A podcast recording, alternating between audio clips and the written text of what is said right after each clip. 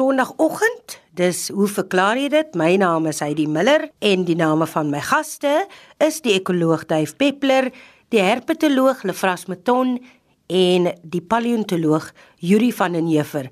Lefras gesels oor 'n vraag wat hy ontvang het van Johan van Aswegen. In 'n vorige program oor die diere wat op rotse woon, het jy gepraat van waierstertmuise en dassierotte. Ek wil graag weet wanneer is 'n klein knaagdiertjie 'n muis en wanneer is hy 'n rot? Kry 'n mens rotgrootte muise of muisgrootte rotte? Daar sê hulle vras oor na jou. Baie interessante vraag. Ek dink meeste van ons luisteraars het ook al hier oor gewonder want hier in Suid-Afrika Ja, ons ken nou almal 'n huisrot en ons weet van 'n huismuis, maar daar's baie ander van die klein soortdiertjies wat as rotte bekend staan in die volksmond en ander wat as muise bekend staan. So wat is die verskil tussen die twee? Ek dink ons moet die gesprek begin so bietjie teruggaan na uh 1758 het uh, Linnaeus het binominale nomenklatuur ingevoer. Uh, dit was nie eintlik sy gedagte nie, maar hy het dit in elk geval toe nou amptelik begin daarmee. En dit is dat elke spesies dan nou so 'n dubbelnaam sou kry in Latyn. En die eerste is 'n meer algemene naam en dan die tweede is dan nou die spesies naam soos Homo sapiens. Uh Dave uh, Linnaeus het dan nou Homo sapiens 1758 in daardie uh boek gelys uh en onder sy naam. En uh homo is dan nou meer algemene naam en sapiens verwys na die moderne mens na ons. Ek sê 'n uh, nuwe spesies wat so beskryf word moet daar 'n tipe eksemplaar wees of 'n tipe spesimen. Nou hy het homself dan nou die tipe uh eksemplaar gemaak. Nou gewoonlik word hierdie eksemplare in museums bewaar. Nou wonder ek wat het van sy oorskot geword of hy iewers in 'n museum lê. Lefras, twee van die groot emosionele impakte van my wetenskaplike lewe was die besoek aan die huis van Darwin en 'n besoek aan die huis van Linnaeus. Linnaeus lê in die begrafplaas van Uppsala. Is sy liggaam gebalsem? Ongelukkig nie. So dis een tipe eksemplaar wat nou daarmee heen is.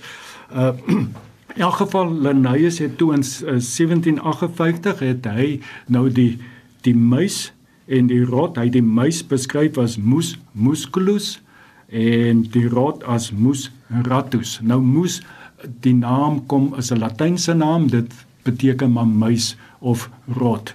Maar ratus is is nie duidelik waar dit vandaan kom nie. Hulle dink dit is 'n pro-germaanse woord ratas uh, wat ook seker nou nou so een of ander klein diertjie beteken. Aanvanklik was hulle dus in dieselfde genus geplaas. Hier in 183 uh het ene Fischer toe besluit nie 'n rot is is bietjie anderste as 'n muis uh, ver genoeg dat hulle nie in dieselfde genus hoort nie.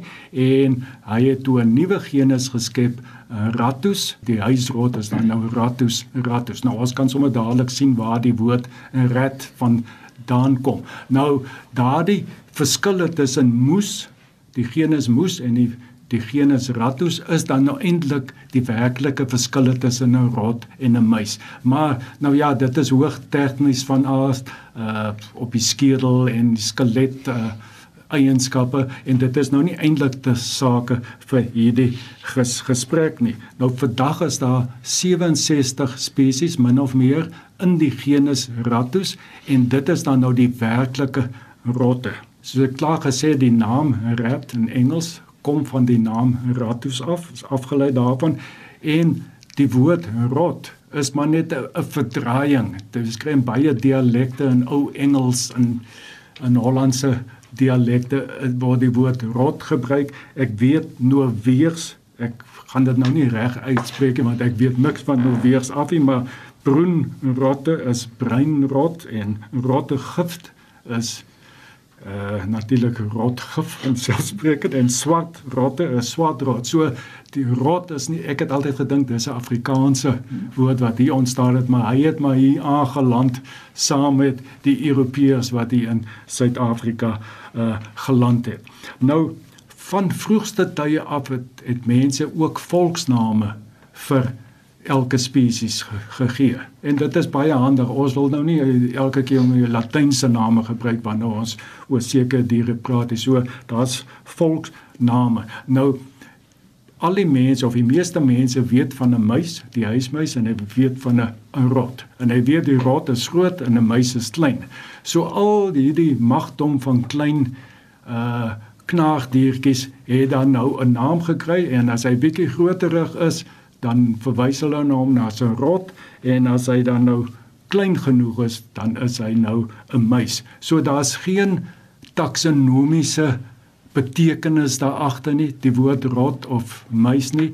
En ook daar's nie werklike reëls as dit so groot is of groter is dit as hy rot of kleiner is dit as hy 'n muis nie. Dit is sommer maar net so 'n grys uh gebied. So net om reeds te antwoord nee dit het eintlik geen geen betekenis nie. Dis maar net 'n toevalligheid. Ons het hier in Suid-Afrika net twee ware rotte en hulle is albei ingevoerde diere, die breinrot, uh Rattus rattus en uh, wat waarskynlik al van Jafaribek se tyd af met die eerste bote al geland het en dan is daar ook die breinrot, Rattus norvegicus wat bietjie later waarskynlik uh ingekom het. Nou in Suid-Afrika is daar talle spesies wat uh die naam rot in hulle volksnaam het.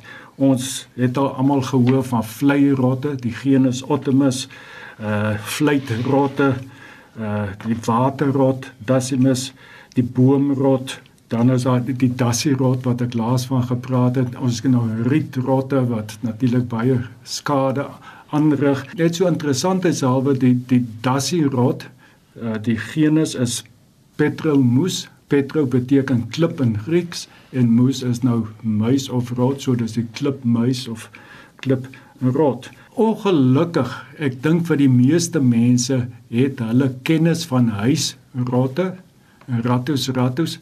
Dit is 'n slegte ervaring. Mes mes is vind hulle grillerige goed en jy stel slaghuisters en dit is eintlik jammer dat daar so baie van ons inheemse diere ook die naam rot dra en ek is seker daar's baie mense in die publiek wat hulle dan ook uh, in dieselfde lig beskou as die huisrot.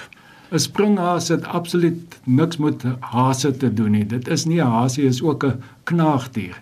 Ons het die eystervark. 'n Eystervark het niks met varke te doen nie. Hy's ook 'n knaagdier.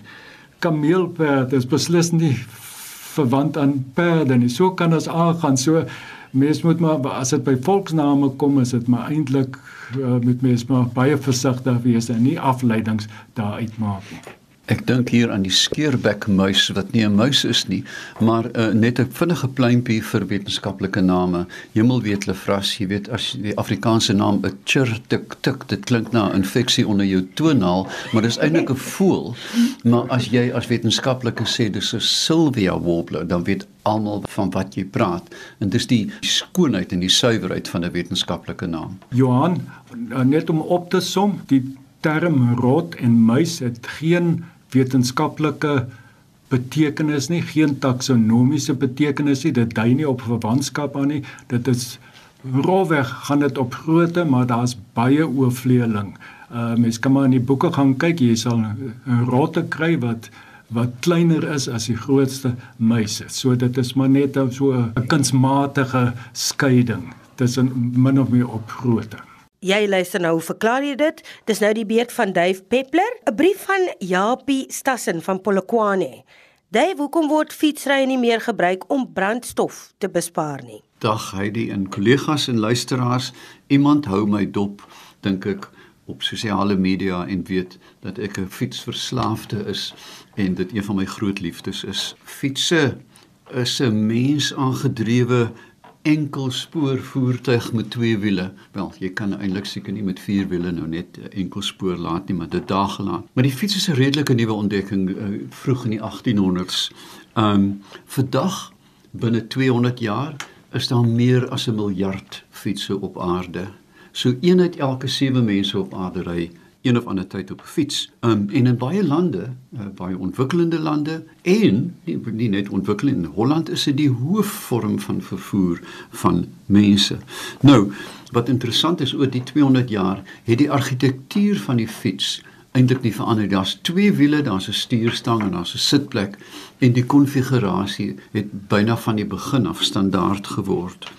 Ehm um, wat ook wel interessant is dat dat die ontwikkeling van die fiets 'n reuse invloed gehad het op die ontwikkeling van die motor en natuurlik op die vliegtuig om te dink daaraan dat die Wright broers was fietsmakers toe hulle hulle eerste vliegtuig gebou het. En kyk 'n mens vandag na motors, kom die koelaars, die ball bearings, lugdrukbande, uh, ketting aangedrewe nokaste um, en speekwiele alles van die fiets af. Die fiets het dit ontwikkel lank voor die motor. Nou ja, hier in 1817 rond begin die baron uh, Karl von Drias met sy laufmasjiene. Dit was 'n verskriklike fiets, uh, jy weet ek het twyfel of aanbyleiers daaraan op sou kon ry, maar dit was 'n houtkontrepsie met harde wiele, uh, het wel 'n stuur gehad, maar jy moes met jou voete soos 'n eend langs die kant druk teen die grond. Dit was 'n lae fiets, daar was geen ander aandrywing nie. Um maar dit het baie gou uh, pos gevat. En toe in 1860 het die Franse begin met die velocipede waar jy nou pedale aan die voorwiel gehad het wat netlik uitgespoel het op die beroemde penny farthing een van die mees onstabiele fietsse op aarde. Mense het hulle is 'n mooi Afrikaanse woord desmoers geval van hierdie fiets af want jy kon nie dink byna in die beheer nie. Kon die breek nie en as daar as jy skielik bult af was was dit 'n weghardloop masjien dit was bekend as die penny farthing Maar toe in 1880, weer eens met die Engelse, het die sogenaamde safety bicycles begin. En snaaks genoeg sommige fietsse het nou nog 'n benaming, die rally maak nou met 'n safety bicycle, want daar was nou remme aangebring en die ketting aandrywing het verskyn. So, nou word dit 'n um, herkenbare fiets bekend gestaan as die Rover, die rondloper met uh, ligbande ensovoorts. Nou, in van die begin af het mense hierdie kontrepsie gebruik om pendel, werk toe te ry, uh, en veral posmanne. Ek onthou dan te goed as kind hoe die posman gekom het met sy groot leertas op 'n bloedrooi fiets, um, wat hy dan so aan die sypaadjie gehak het en die dorp plat gery het. Paramediseer dit gebruik En wat van die die slaghuisfiets met sy groot mandjie gevlegte mandjie voor jou jou boekie is afgehaal in die oggend daagliks en dan is jy jou bestelling daarin en dan is dit sogenaamd opgemaak in koerantpapier en voor 12 uur kon jy jou maalvleis en wors by die huis kry en alles met 'n fiets afgelewer. Dan het die polisie toe ek jonk was, het die polisie met fietsse in die dorp rondgery. Boodskappers vir telegramme, daar was 'n telegramfiets, daar was 'n posfiets en 'n telegramfiets en natuurlik oral vir af lewering. Vandag het dit uitgespeel in 'n reuse aantal soorte fietsse, 'n gebruiksfiets, 'n gewone gewone fiets, bergfietsse wat aangepas is om teen ewige hellings op en af te ry, renfietsse vir Olimpiese en ander wedrenne, reisfietsse, mens sien tog, jy weet in die middel van die Karoo hier kom 'n afgewaterde Duitser met sy fiets met draagsakke, jy weet beurend in die wind, van die wind gepraat, as hy ou grappie van die werker wat dorp toe gery het Saterdagoggend met sy fiets en so teen die wind en hy bid en hy sê ag Here as ek terugkom laat die wind tog net omswaai te swaai die wind om toe ry weer teen die wind Maar in elk geval, Dave, jy was ook mos op skool en jy het ook seker met jou fiets skool toe gery. Uh, dit was vir my verstommend. Daardie jare het almal fietsse gery skool toe. Nou deesdae sien ek is net die mammas kom laai en die pappas kom laai die kinders af by die skool hulle ry nie meer op fietsse nie. Lefras is tragies. Ek onthou aan die begin van my jare by die universiteit dat ons in die teekamer gesit het dat iemand sou sê hier kom die student met die motor dat dit die uitsondering was en almal het fiets gery en jy's doodreg op skool. Ons het almal fiets gery en agter die bloekomboom het die polisieman gestaan, die verkeersman en jou 'n 10 shilling boete gegee as jy nie 'n lisens gehad het nie. Jy praat so van lisens, daai blik ding wat so vasgeskroef is op Mariesburg toe ek my eerste fiets kry, moes jy ook nommerplate hê. Soos 'n motor, nommerplate agterop. Waar is die daar vra mes jou af? Nou, ehm um, wat is die belangrike aspekte van fietsry bo behalwe die genot wat 'n mens daai het? Die eerste ding is dat meganies is is die fiets die mees doeltreffende vervoermiddel op aarde. Daar is geen ander masjien. As jy dink in terme van 'n stoomtrein wat ons deesdae nou net vir vermaak sien, is die die werkverrigting in die orde van 15% van die energie wat ingedruk word word toegepas op die wiele. Die res spoel alles uit met um met hitte en wrywing. Waar 'n fiets 95% doeltreffend is. Met ander woorde, as jy tussen 16 en 24 km/h sou trap op jou fiets, gebruik jy dieselfde energie as om te stap. Dis dit nie wonderlik nie. Ehm um, en dit is, is natuurlik nou vir ons vingerwysers waar waar na toe ek wil mik. So met ander woorde jy, jy weet 95% doeltreffend is ondenkbaar uh, vir enige masjien. Um, die enigste probleem natuurlik met fiets is windweerstand. Jy weet dit al te goed as die wind van voorwaai soos ons nou in die grappie vertel het. Maar dis natuurlik 'n funksie van windweerstand is uh, neem toe met die vierkantswortel van die spoed. Um, en nou weet jy hoekom stralers en vliegtye so kragtig moet wees. Hoe vinniger jy vlieg, hoe meer jy druk aan die ding om hom daar te hou. So, as jy regop sit op jou fiets, is 75% van die weerstand net aan jou liggaam. En dit dit is hoekom mense in Olimpiese spele sien dat mense het um hun pakkie aan so want hulle is glad, hulle het 'n helm met 'n punt na agter, die wiele is vaartbelyn, dis alles om windweerstand te verminder. As toestande reg is en met geen wind nie en jy het 'n goeie fiets en jy die regte pak klere aan en die regte helm, is die wêreldrekord vir op gelyk grond nou vir 'n trapfiets 144 km/h. So, en en en dan stort alles in duie want die weerstand word eenvoudig te hoog. So, ehm um, toepassings hier op op kampus op Stellenbosch het ons die wonderbaarlike voorbeeld van die Mati fiets. 'n Jaar of um, 5 gelede is daar versiende besluit geneem dat daar meer fietsse moet gebruik word juis as gevolg van die motordruk. En ek dink tans is daar meer as 4 of 5000 fietsse uh, lyk almal eenders 'n blou fiets met 'n nommer op wat jy hier teen 'n nominale bedrag die jaar, ehm um, waarvan jy meeste terugkry as jy die fiets heelhuids teruggee en net waar jy kyk is daar maatie fietsse en ek dink dit is 'n voorbeeld vir die res van die land. Dan in in in groot stede soos uh, Amsterdam en veral ook Londen, daai Boris Johnson het dan een ding gedoen, die Boris bike. Dit was 'n 'n blou fietsie wat jy 'n pond indruk om hom los te maak en dan kan jy hom enige plek los weer in 'n staanplek. So jy kan pendel reg oor Londen vir 'n pond en dan natuurlik die wêreldhoofstad van fietsse is Amsterdam waar elke lewende wese uh, van oud tot jonk op 'n fiets ry. En ek wil dit net byvoeg toe ek aan aan Cambridge studeer het, het, het ek in 'n vreemde gebou tuis gegaan waar die Cavendish Laboratory was en elke oggend 9uur het die rektor van Cambridge, Sir David Williams, sy fiets onder my venster vasgemaak. Daar was niks van hierdie snobisme van groot swart motors nie. Almal van die rektor onder toe en dit het dus hoe voorbeelde gestel word dat ehm um, dit is ons kultuur en dis hoe ons geld spaar en die aarde 'n bietjie beskerm. Ehm um, 'n mens kyk aan na armoedeverligting, dit is nou duidelik bewys dat in arm gebiede Tansanië, Uganda, dat 'n huishouding wat 'n fiets besit, verdien 35% meer geld want hulle kan hulle produk vinniger kry by die huis of dit vinniger verkoop. Uh in Indië is die fiets bo bobaas, jy weet behalwe nou die vreemde klein motorfietsies almal in Indië ry fiets. So, dit is duidelik die antwoord vir kort afstand pendel veral in stede wat baie besig is. Nou ja, in Suid-Afrika is die probleem van veiligheid. Jy weet jy wil nie by by 'n informele woonbuurt op jou fiets verbyry nie, maar dan moet jy 'n uh, fietsbane kry wat van die begin af beplan is om veilig te wees en noodwendig as dit nodig is beskerm moet word. Dat hulle die boef in sy spore kan kap as hy naby jou kom.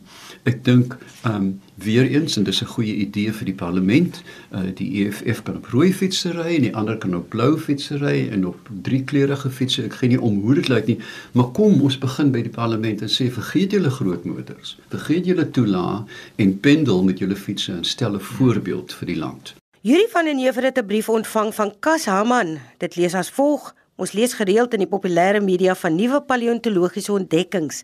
My vraag aan Yuri is of hy so gaaf sal wees om 'n paar van die nuutste maar ook interessantste bevindinge met ons as belangstellende luisteraars te deel. Verder of enige van hierdie ontdekkings ons huidige kennis en sienings oor die evolusie van dinosourus of geassosieerde groepe in nuwe rigtings stuur al dan nie. Oor na jou Yuri.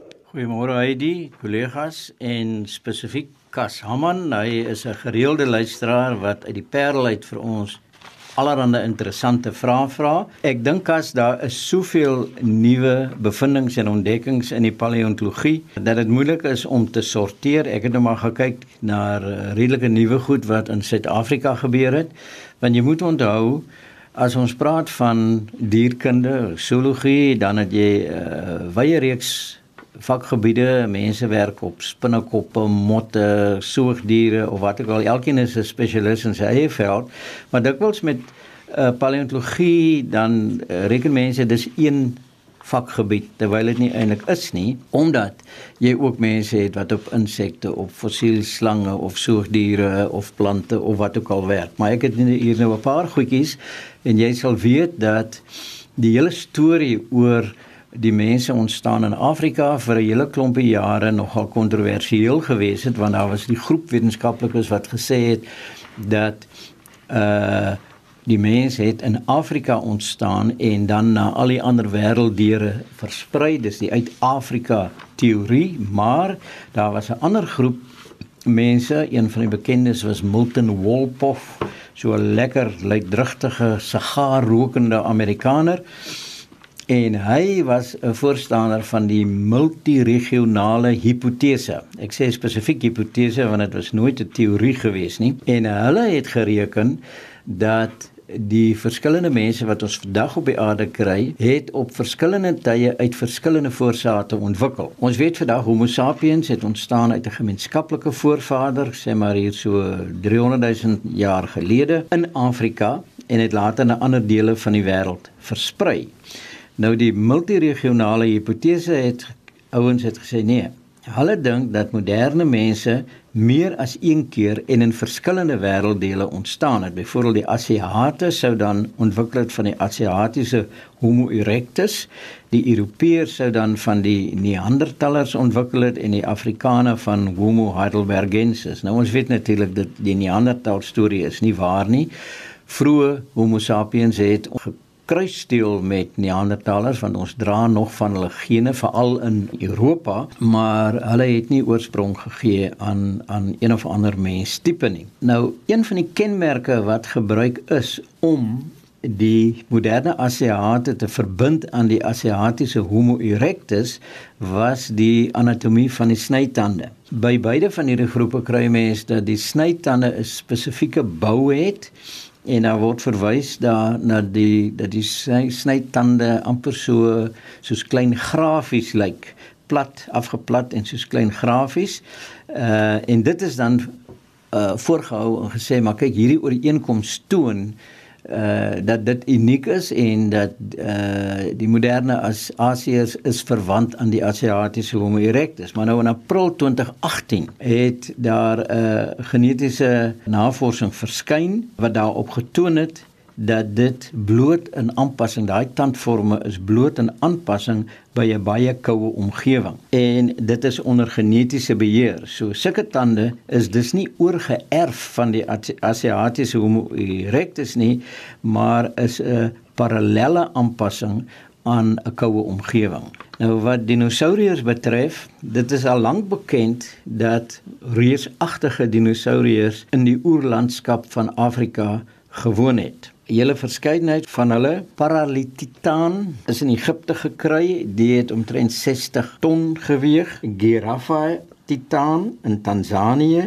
Mense wil sê persoon is baie lank, maar dan verwys jy na sy vertikale hoogte. So uh dit was die langste dinosourier in 'n vertikale posisie, hoogte. Uh ook Torniria wat in Tansanië gekry is, was in werklikheid die langste dinosourier. Ons weet ook dat daar in Niger en in Noord-Afrika die bekende Spinosaurus gekry is. Die het ons al voorheen oor gepraat en Spinosaurus was groter as 'n uh, Tyrannosaurus rex, maar om nou na ons eie land toe te kom, onlangs is daar Ledomahadi Mafube gekry. Dit is 'n dinosourier, 'n vroeë dinosourier van omtrent 12 ton wat in die Clarence omgewing gebly het en dit is uh in Sotho dink ek beteken dit donderweer met dagbreek of dagbreek donderweer.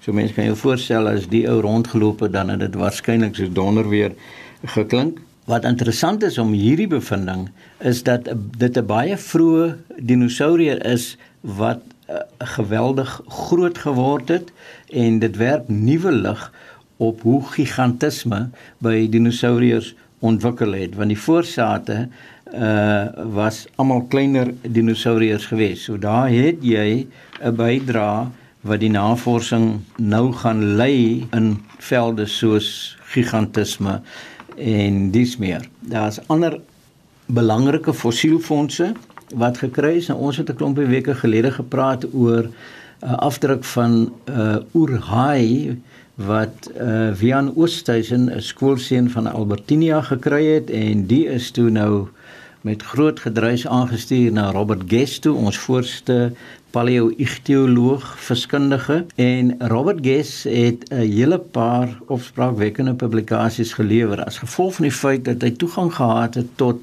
sedimente by 'n lokaliteit in die Oos-Kaap wat bekend staan as Waterloo Farm en toe vind hy dat die padbou-instansies wou 'n pad deur hierdie plek bou wat nou die plek sou verteer het en uh, eintlik die die die die lokaliteit sou vernietig het. Dit gebeur steeds nou nog in die uh, Boswaarmoed pas was daar altyd 'n uh, grysgat wat ons fossiele gaan haal het vir die studente en toe die pad geteer word, toe hulle nou nie meer die grysgat nodig het en toe is die teerpad reg deur die uh grysgat gebou maar Rob het toe na die uh, padmakers toe gegaan en sy saak gestel en die uiteinde daarvan was dat hulle tonne van hierdie rotsblokke aan hom geskenk het wat hy nou het en wat onder dak bewaar word en hy is besig om dit te bestudeer. Nou mense moet 'n bietjie van Gondwana weet dat tydens die Devon tydperk het Afrika laer af op die aardbol gelê. Nou mense wil weet dat die noord en die suidpool bly op dieselfde plek op die aardbol terwyl die kontinente ronddryf en en en die ander kontinente het nie net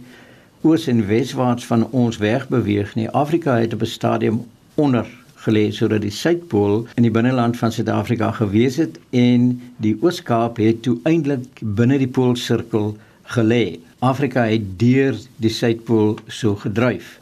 Nou wat Rob kon doen met hierdie sedimente wat juis uit daardie tyd uitkom, het hy twee afsonderlike fossiele van viervoetige diere gekry.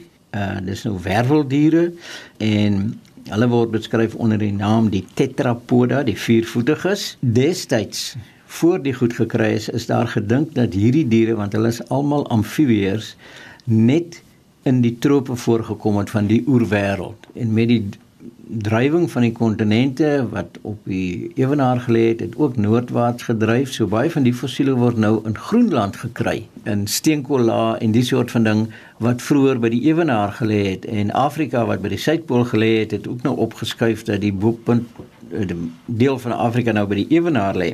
En toe het hy twee van hierdie nuwe amfibieërs gekry en vir sy rol wat die aartsbiskop Tutu gespeel het in die Suid-Afrikaanse geskiedenis is een van die amfibieërs uh benoem as Tutusius en die tweede een het hy benoem as Umzantia en in Sotho beteken dit suid. Wat dit beteken hierdie nuwe fondse is dat uh hierdie amfibieërs in die oerwêreld nie net by die trope voorgekom het nie, maar 'n baie groter verspreiding gehad het en Suid-Afrika weer aan die voorpunt plaas uh van navorsing oor die oerlewe van ons omgewing want dit was voor die uh, oorgang na landplaas gevind het en dit het baie nuwe inligting voorsien. Wat hy ook uitgevind het omtrent hierdie afsettings van Waterloo Farm dat dit 'n baie unieke omgewing gewees het. Dit was 'n 'n strandmeer uh wat seisoonaal opgewees het na die oseaan toe. In die meeste van die tyd was dit 'n brakkerige omgewing met 'n uh, modderbodem waar allerlei oervisse in gekry is. Daar's byvoorbeeld 'n stuk of 20 uh visspesies ontdek wat in die omgewing gebly het. Daar is uh mossels ontdek Daar is oorblyfsels van 'n verskeidenheid van diere, byvoorbeeld uh, 'n lamprey wat daar gekry is met die naam van uh, Priscomison. Lampreie is sulke palingagtige uh, roofdiere in die see. Hulle suig vas aan visse en dan raspel die veldstukke en dan suig hulle al die vloeistof uit. Maar daar is so 'n lamprey uh, gekry deur uh, Robert Guest. Nou lampreie het geen verdedigingsmeganismes nie. Ons het 'n uh, voorbeeld hier aan ons kus met die naam van Eptatretus wat by ons 'n aasvreter is.